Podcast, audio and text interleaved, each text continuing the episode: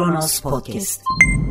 Bir ülke düşünün yüzlerce insanın hayatını kaybettiği ve akabinde binlerce insanın da işinden olduğu, itibarından olduğu, haksızlıklara uğradığı ve ülkenin gidişatının fevkalade değiştiği bir darbe girişimi yaşansın. O darbe girişimiyle ilgili umarız gerekli hukuki soruşturma yürütülürken bir taraftan da Türkiye Büyük Millet Meclisi'nde yani insanların oylarıyla gönderdikleri insanlar tarafından bir komisyon kuruldu ki bu girişimin aslı astarı nedir? Hakikat ortaya konulsun. Araştırma yapıldı. Dinlenilmesi gerekenler dinlenilemedi. Dinlenilmemesi gereken pek çok insanla birlikte belki dinlenilmesi gerekenlerin bir kısmı da dinlendi. Ortaya bir rapor çıkarıldı. Sonra o rapora erişemedik. Rapor kayıp denildi. Seneler sonra anladık ki o darbeye kalkışmakla suçlanan insanlar faydalanır diye rapor sümen altı edilmiş.'' Merhaba, 12 Temmuz 2021 Pazartesi günün tarihi ve Kronos Haber'de Kronos günden başlıyor. TBMM'nin 15 Temmuz raporu Fethullahçıların işini kolaylaştırır, tazminat ödenir diye yayınlanmamış. 2016'da gerçekleşen 15 Temmuz darbe girişimine ilişkin Türkiye Büyük Millet Meclisi 15 Temmuz darbe girişimi araştırma komisyonunun hazırladığı ancak ortadan kaybolan raporla ilgili çok önemli bir kulis bilgisi gündeme taşındı.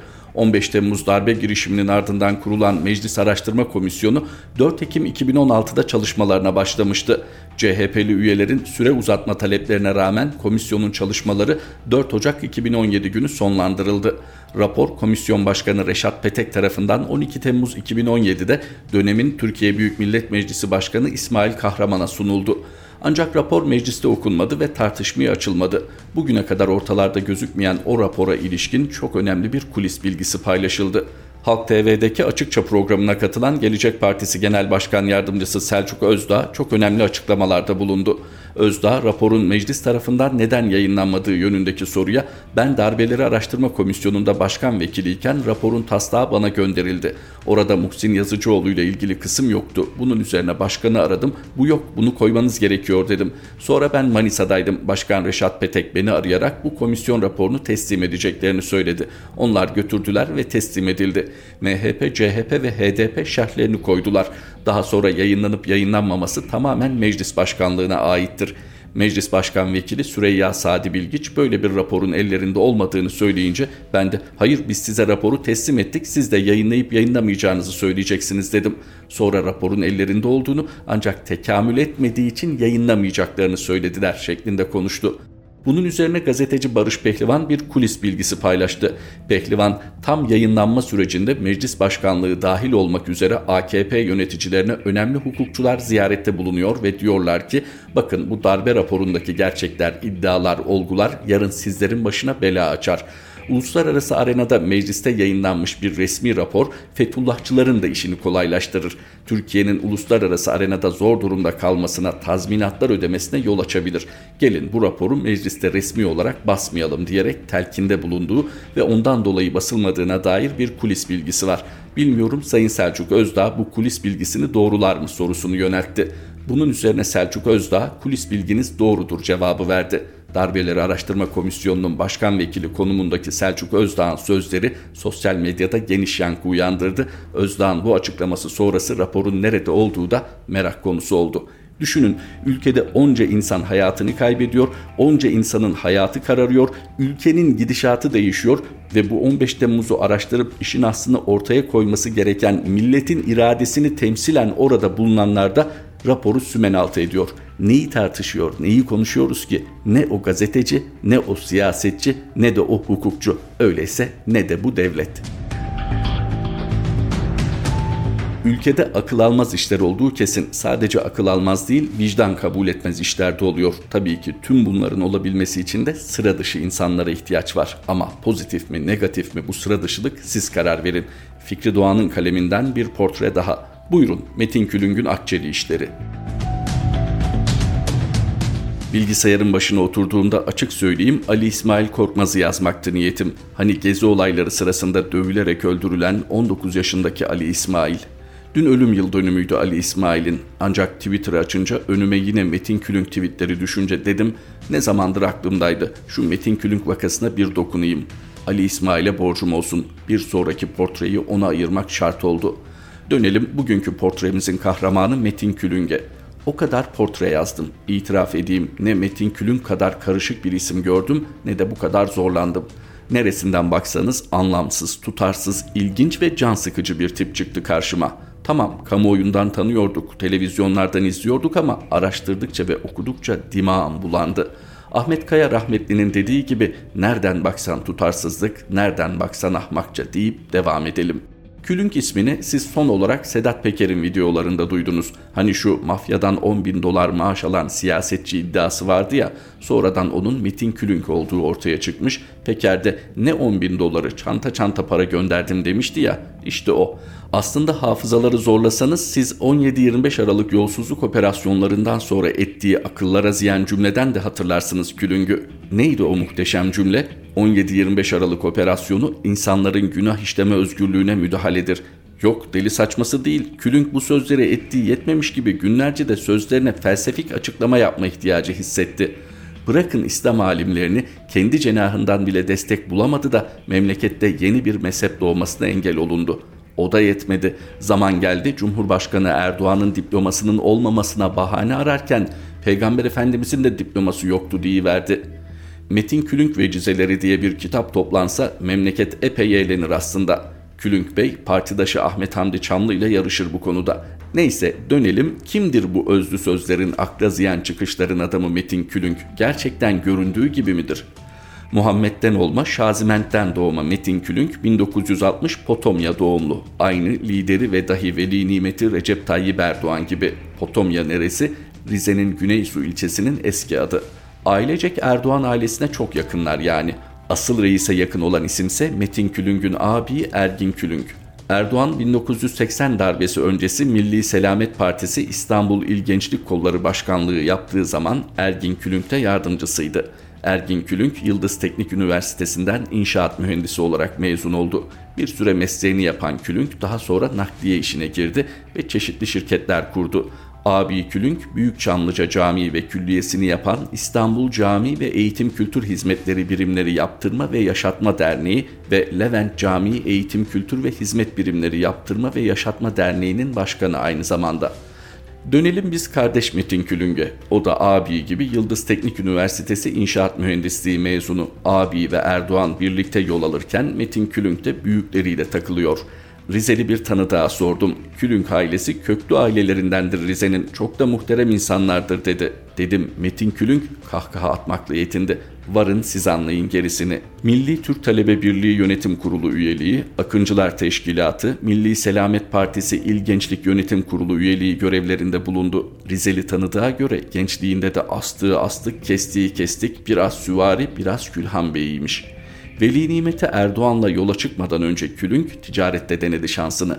1990-1995 yılları arasında İstanbul Tekstil ve Konfeksiyon İhracatçı Birlikleri komitelerinde görev yapan Külünk, 1993-1995 yılları arasında Marmara Üniversitesi'nde dış ticaret dersleri verdi.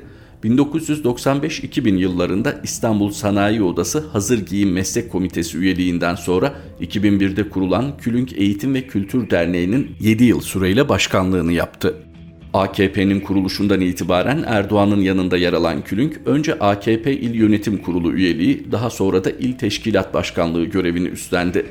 Külünk 2009'da hayatında belki ilk ve son defa Erdoğan'la karşı karşıya geldi. Erdoğan'ın istediği Aziz Babuşçu'nun rakibi olarak İstanbul İl Başkanlığı'na aday olan Külünk tabii ki seçimi kaybetti. Erdoğan Külünk'ün gönlünü almak için onu 2011'de meclise taşıdı. Külünk'ün hayatımıza paldur küldür girişi de böyle oldu. Külünk boyunu ilk kez 2012'deki Türk Hava Yolları krizinde gösterdi. THY'deki grev ve toplu sözleşme geriliminde en ön safta yer alan Külünk, THY Türk milletine aittir. Bu yüzden grev yapılamaz. THY'deki grev küresel güçler tarafından organize edilmektedir gibi dehşetengiz ifadelerle savundu hükümetini. Bu arada meclise grev yasağı tasarısı vermeyi de ihmal etmedi. Sonuçta 305 çalışan işten atıldı. İki sene sonra da hepsi görevine geri döndü mahkeme kararıyla. Külüng'ün cansiperane grev karşıtlığı onu yandaş medyanın da manşetlerine taşıdı. Külünk şifreyi çözmüştü. Vatan, millet, dış güçler, küresel güçler, Allah, din, iman, kitap, Abdülhamit, Osmanlı kelimeleri ve kavramlarıyla süslediği anlamsız cümleler para ediyordu. Külünk de o günden sonra mevzu nereden açılırsa açılsın yukarıda örneklerini verdiğim kelimelerle süslenmiş cümlelerle attı kendini meydana. 2013'te gezi olayları sırasında da ön plandaydı Külünk, 2014 seçimlerinde AKP'nin oy çaldığı iddialarında da. Hatta 2014 seçimlerinde AKP oy çalıyor diyenlere Allah'a havale edelim o karar versin demeyi bile becermişti. Erdoğan onu yurt dışındaki TC vatandaşlarını zinde tutmak ve örgütlemekle görevlendirmişti ta o zamandan. Yine 2014 seçimlerinde Almanya'nın Essen eyaletinde CHP'li üyelerin linç edilmeye kalkışılmasının altından da külünk çıktı. Bu Almanya işine derinlemesine dalacağız birazdan. Bugünlerde her suça bulaşanla mutlaka bir fotosu bulunan İçişleri Bakanı Süleyman Soylu gibi o dönemde de faillerin külünkle boy boy fotoları dolanıyordu sosyal medyada.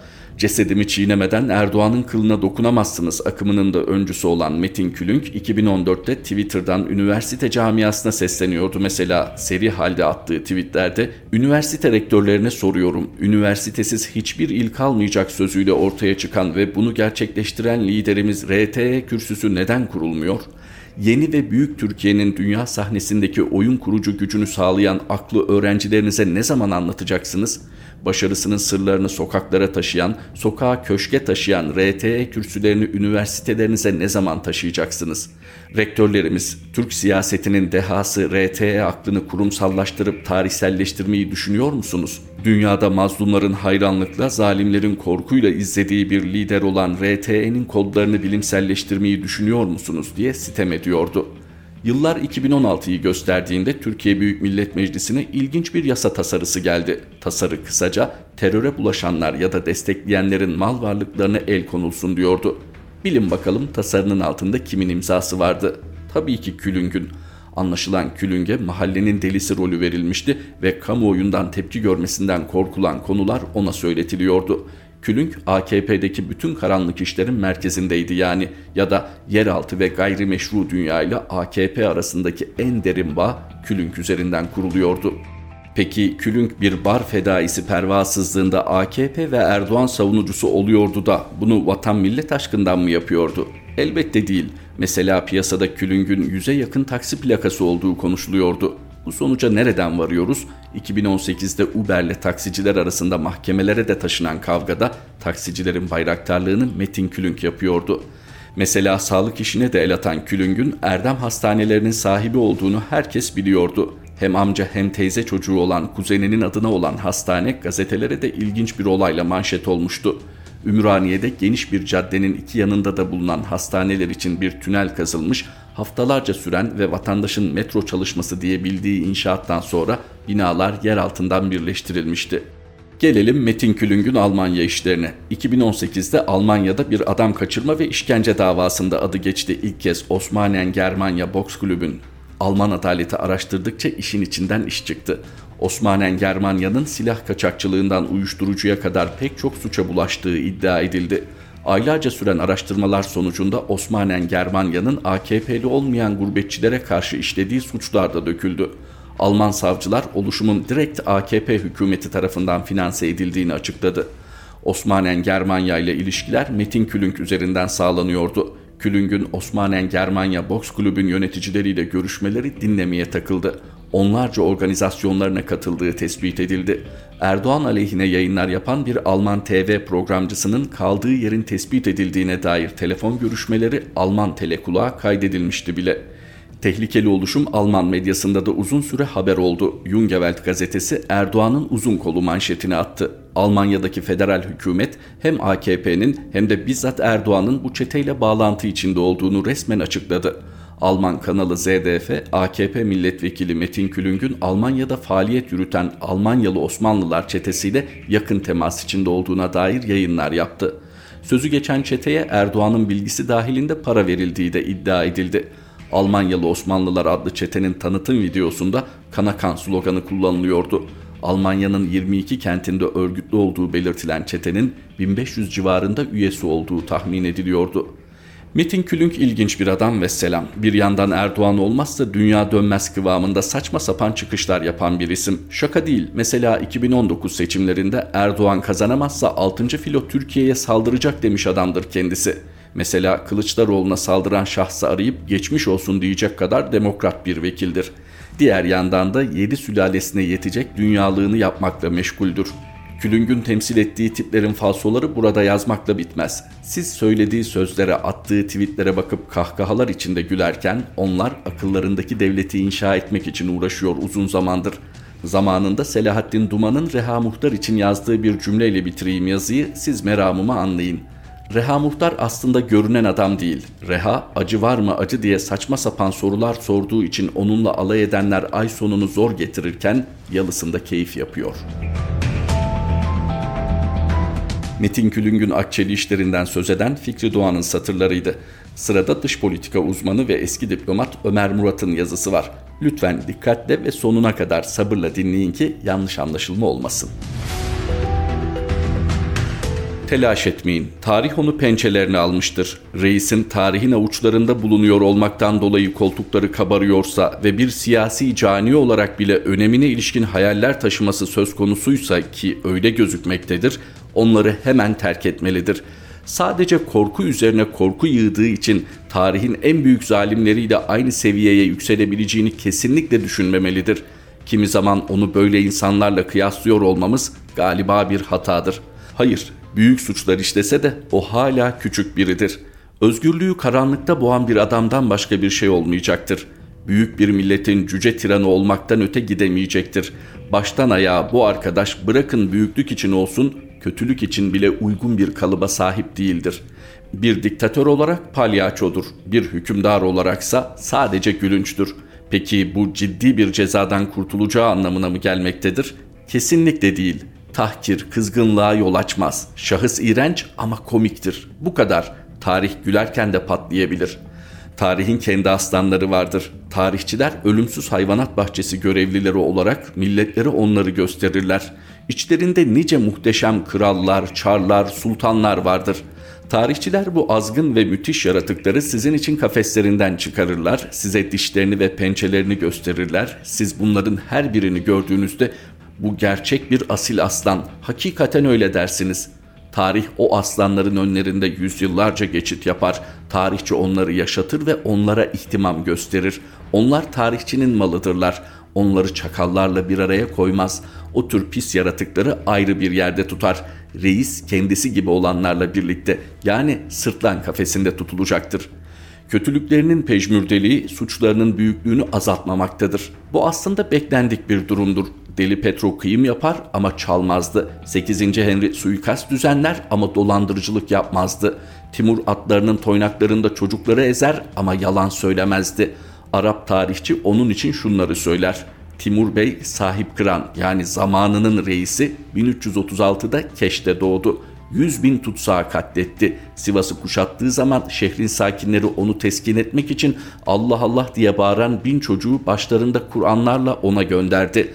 Timur kutsal kitapları hürmetle başlarından aldırdıktan sonra çocukları atlarının toynaklarında ezdi geçti. 70 bin insan kafasını macun, taş ve tuğlayla karıştırıp Herat, Sabzavar, Tikrit, Halep ve Bağdat'ta kuleler inşa ettirdi. Fakat yalandan nefret ederdi. Bir söz verdiğinde tutacağına güvenebilirdiniz. Reis o seviyede bile değildir. Büyük doğulu ve batılı despotların gaddarlıkla kaynaştırdıkları kıymetlere sahip değildir. Bir Sezar olacak kumaşı yoktur. Sayın Reis, siz bir budaladan başka bir şey değilsiniz.'' Victor Hugo'nun Fransa'da 1848'de doğrudan halk oyuyla seçilen ilk cumhurbaşkanı olan Louis Napolyon için sürgünde yazdığı bir yazının tarafından yapılmış geniş bir özet çevirisidir. Louis Napolyon 1851'de tertiplediği darbeyle Cumhuriyet rejimini ortadan kaldırarak imparatorluğunu ilan etti. 1870'te Almanya karşısında alınan yenilgi sonrası tahttan indirildi. Louis Napolyon'un seçilmesine başta destek verenler arasında olan Hugo, darbesine karşı çıkmanın bedelini sürgünde yaşayarak ödedi. Ünlü Sefiller romanını bu sürgünü sırasında yazdı. 3. Napolyon'un devrilmesi sonrası 1870'te ülkesine dönen Hugo, Paris halkının yüksek oylarıyla ikinci sırada vekil seçilerek parlamentoya girdi. Tarih onu büyük bir edebiyatçı, Louis Napolyon'u ise tam da öngördüğü gibi bayağı bir diktatör olarak hatırlıyor. Dış politika uzmanı ve eski diplomat Ömer Murat'ın satırlarıyla Kronos gündemin sonuna geldik. Kronos Haber'de tekrar buluşmak üzere. Hoşçakalın. Kronos Podcast